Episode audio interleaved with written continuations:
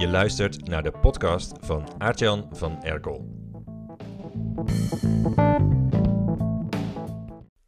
Gisteren werd ik bijna overhoop gefietst. Ik stak de voet een weg over en de tegenpartij van het bijna ongeluk was een millennial met een baard die voorbij fietste met een grote koptelefoon op zijn knar.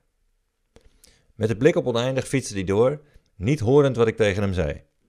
Dat kwam doordat hij van die chique noise-canceling headphones droeg.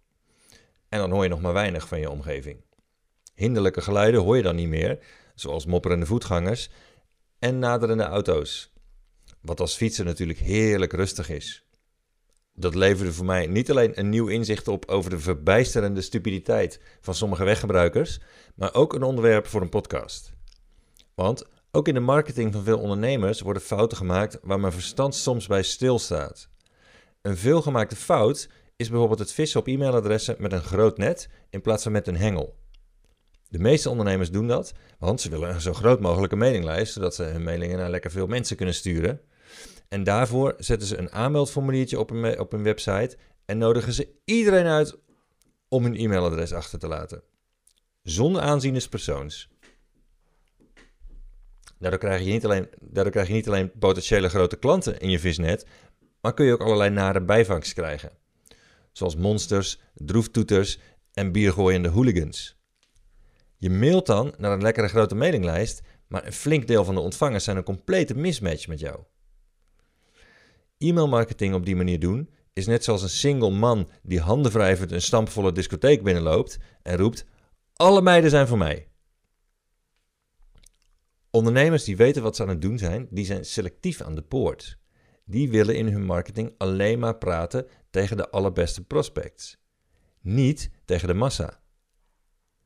Een best practice daarvan is wat je Amerikaanse presidentskandidaten ziet doen als het campagnetijd is.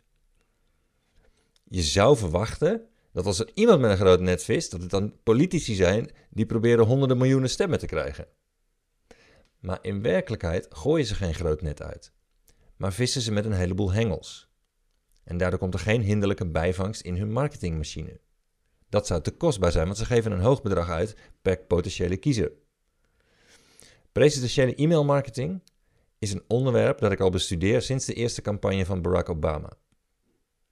Daardoor krijg ik al jaren alle mails binnen van zowel de democratische als de republikeinse presidentskandidaten.